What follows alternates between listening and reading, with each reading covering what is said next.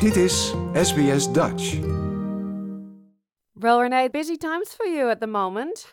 Absolutely. Women's World Cup here in Australia um, is um, something I, I guess I never thought would happen. So it's just a great moment and um, absolutely going to enjoy every minute of it with some of my former teammates from the Matildas from back in our day. So yeah, exciting times ahead. Yeah, back in your day, we're we're going back to the 80s. Yes. Can you describe how uh, women's soccer in Australia? What did it look like? Well, it, it looked very, very different that it does today. Uh, back in the 80s when I played, we we paid our own way to play. There wasn't any funding. We bought our own um, kit. We bought all of our own gear. We got our um, playing shirts, etc. We could use them, but we had to hand them back. Um, we sewed our own coat of arms on our jackets in Sydney Airport, where we would all come together and meet before we'd fly out to an international tournament. So we never had training camps. We, we might do the odd training camp a couple of days, but that wasn't for every tour. Um, you know, we travelled very sparsely with a doctor, a manager, a team leader, a manager, and two coaches. Oh, and a, a physio we would have. Um, uh, I guess the team today, they have their 23 players plus some extras, plus probably a team of 20 staff helping them. So very different back in the day. Very, very different.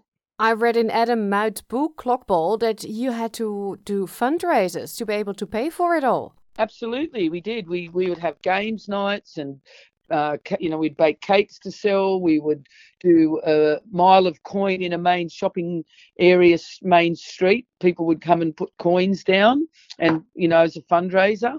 Um, yeah, we had to fundraise our way. Uh, I was very lucky that my mum and dad uh, were amazing, and I had a lot of support from them uh, helping me as well. I worked part time and contributed, but my my mum and dad and our lo- my local community of Budgewoi were fantastic to help me fundraise to be able to play for my country. So I was very fortunate. Yeah. You just mentioned your mum and dad. Dad is from the Netherlands. He has Dutch heritage. You have Dutch heritage. Um, was he proud when his daughter said, Hey, I want to play soccer? Absolutely. Uh, Dad was absolutely Dutch. He was born in um, Indonesia, so Dutch parents that were born in in Netherlands. Um, and yeah, he was very very proud, um, as was my mum, um, that I wanted to play football. He was a, a bit of an all rounder when he was younger, and football was a game that he did play. So yeah, he was very super super proud. My dad, he was one of my biggest fans, along with my mum, of course. Yeah. Yeah, but it wasn't easy for you to start playing soccer because in your time uh, in Budgewoi, there was no girls' team. How different is it nowadays? You really had to push for it, huh? To get a chance to play, and you did not even play with your uh, own age with girls. Yeah, that's correct. When I uh, I kicked the ball around with my brothers in the soccer fields opposite my home in Budgewoi for since I was six, they would go and train and play, and I wanted to play, and I was told, no, you can't. Girls don't play soccer um, I was absolutely shattered. So I just kept training and and going to the to the local games of a weekend and kicked the ball around at halftime with the boys. And everybody sort of said, "Oh, you should be playing. You're better than a lot of the boys." And I said, "I want to, but they won't let me." So I went off and then still trained for football with my brothers across the park. But then I went off and played netball. Um, I did athletics. I played tennis. I did all the other sports that I loved. And then when I was um, 12, Budgewoi had a ladies team, uh, all age open women's team in 76. And as soon as I saw them over there training and there was a women's competition, I went over and said, Can I train? I'd like to play. And I got told by the coach then, You're too small, you're too young, maybe come back next year and we'll see. If you get a bit taller, we'll put you in. And I sort of said, Well, I can actually I reckon I can play good enough to play with the open women. And I wasn't a small kid by that standard either. I had a bit of my dad's Dutch height in me. And um, anyway, I went away, came back 12 months later, and I went to the same coach who was there. He said, You don't look like you've gotten any taller. I said, Look, please let me train, and then you can make your decision then. Well, I trained for about 10 minutes and he said, Where do you live? Where's your mum and dad? And they signed me up on the spot. So I played open age women at 13. But wow. um, I guess all the years of training set me in good stead. Um, what I didn't make up for in height and body weight, I made up for in, I guess, a bit of skill. And I could, I was a bit, a bit football smart as well. So I, was, I think that was an advantage for me. So yeah. Mm. So you were a uh, natural born striker, I read. You were like hitting the goal. That's it. Yeah, I was. Uh, that was just the position that came about. I guess I didn't know it at the time when I was a youngster, but when I trained and my, I guess my ball skills, etc., and I, you know, that's all you did with the boys. You'd have shooting practice, and you know, all all the boys wanted to do was get the ball and score goals. So I thought, I'm going to have a part of that. I'm going to do the same thing. So I guess I guess all those years of training and wanting to score goals set me in good stead to become a striker. Which obviously I was very fortunate enough to go on and play um, for Australia, which we didn't have the Matildas name back then, and that was my natural position as a striker. And I was fortunate enough to score about I scored 15 goals in 30 games for my time with the Matildas. So again, those early days in the football paddock across the road um, yeah, made for my position as a striker. Yeah. When I watch soccer, at the men when the national anthems are on, you know, they they don't really seem to care much. You know, it seems like they're in their own world and don't sing. You see much more emotions during the Women World Cup, uh, tears during the anthems. I read that you can't remember anything from your debut game except for that part, the anthem yeah, you're right. I, I, you don't see the men that emotional. You do see our women and our Matildas, and we were in the in the um in the stands for their warm up match against France. We were actually down on the sideline and um, we formed a guard of honour, which was the first time that's been done in women's football history for our Matildas, that former players were part of such a huge, huge event.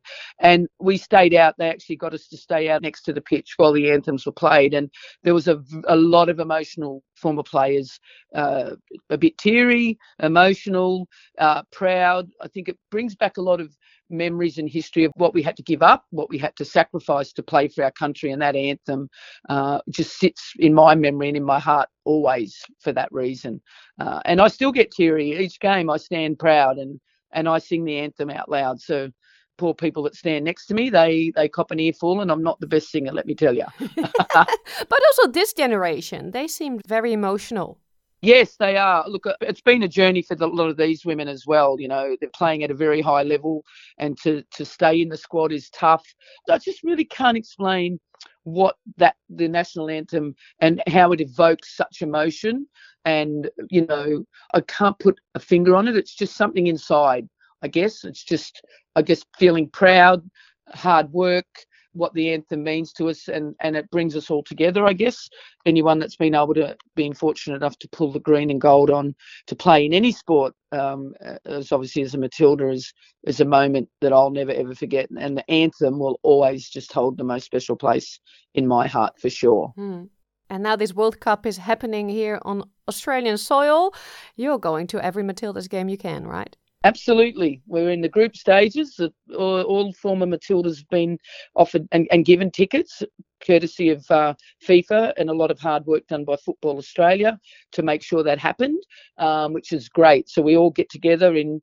I'm in Brisbane at the moment for the game on Thursday night, and then in the car and road tripping to Melbourne for the third and final group stage.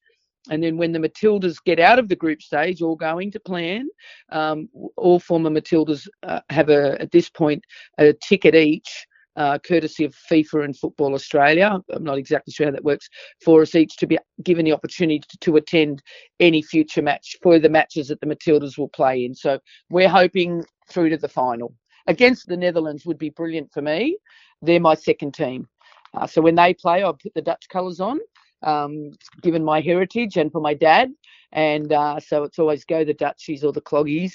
Uh, huge, huge fan. Yeah. So I'm hoping the Dutch play the uh, Aussies. So I, I, won't, I can't lose anyway then. So yeah. Exactly. Yeah. Are you happy yeah. with how the Matildas are performing at the moment? Look, their first game wasn't their best. I've, I've seen them play a lot, lot better. But for me, I think it was a very positive, good start. We we got the three points, which is something we do struggle with in big tournaments, especially World Cup. We seem to sometimes, a lot of the time, play catch up or rely on other results. So that win has set us in good stead. Ireland were a tough, a very tough opponent. Um, the Nigerians are going to be tough, and the Canadians certainly tough. But I think if we we can bag a good win on Thursday night, that will set us up to just go through to our our group of 16, which is something that we're all hoping for, and we're all confident that the Matildas can do. So, not this best game I've seen, but they can only improve. They've got an outstanding depth in that team, and um, I think they'll just get better and better as the journey goes. So yeah. Yeah, and also they were playing without Sam Kerr, of course. I mean, imagine when she returns. Yeah, well, Sam Kerr was a massive loss, but to be honest, when I did hear just before kickoff that Sam was missing, it was like, oh, gee. And then I, I sort of readjusted and rethought, and I thought, we have some, she's very talented, don't get me wrong. She's one of our best players and one of the best players in the world. But we have such depth with the Matildas to be able to score goals. She's just not our only goal scorer. Um, we've got some outstanding other forwards and the depth that we have and it showed on Thursday night, even though it wasn't our finest game. You know, the girls can still get up and have a win without Sam Kerr in their side. Tough for her on the sideline. I saw she was very emotional, um, teary, and I felt for her because she's put in a lot of hard work in a lot of years, and to miss the first game or any game when you're playing in front of your home country and your family and friends and your you know would have been very very disappointing but i'm sure she was super proud of the effort and and the win. So hopefully she can come back. I'm gonna I'm gonna put it out there, and I don't have any inside information at all, but I think she's going to struggle a little bit. She definitely won't play against Nigeria. I have read. Whether or not will they risk her against Canada? Possibly not. Even if she may be ready to go, I would suspect that we may see her in the next round of 16 if she recovers well enough. Again, they're very tight lipped and they're not giving much away at the moment. And as a coach and the team within the Matildas, they're all their stuff, I'd be keeping it pretty close to my chest as well right now. I wouldn't be giving anyone too much information. So hopefully she can recover. She's a huge plus with the Matildas, obviously. Her presence out there is enough to throw any team. Um, she's capable of doing anything. But having said that, we have so many other players in that group that could just turn the game on its head. So yeah, I think we'll be okay. We'll be okay. Yeah. So in 40 years, the time you were playing till now, women's soccer came from very far. What is your wish for the next maybe 10 years? That's a great question. Um, when I played back in the day, obviously back in the 80s, playing for my country, and I wouldn't change a thing. I would go back and do it all in a heartbeat, knowing where the Matildas are and, and our women's game is today. I would not change a thing. I'd still sew my badge, I'd still pay to play. But then I remember thinking, wow, how good would it be if we didn't have to pay to play? How good would that look? And how fantastic would that be down the track? So this is more than I would have ever imagined. Moving forward, the next 10 years, I would love to see women's football in Australia be fully professional. So in the women's W League, the AW League, equivalent to the men's A League, that they our women can be full time players, not have to juggle jobs and study and try and earn a little. Well, study. A lot of women will still study, but you know have to work part time jobs um, to be able to afford to play football. That they can just go, no, what's your profession? I play football full time and make enough money to live like we do now that would be outstanding and a brilliant, brilliant pathway for our future young women. So I'm not sure if you've got daughters um, that they may see how it's progressing now, and it might be a pathway if they're footballers that they can see that they can maybe perhaps make a living or part of a living because career football can be over in a heartbeat or a split second, as we know.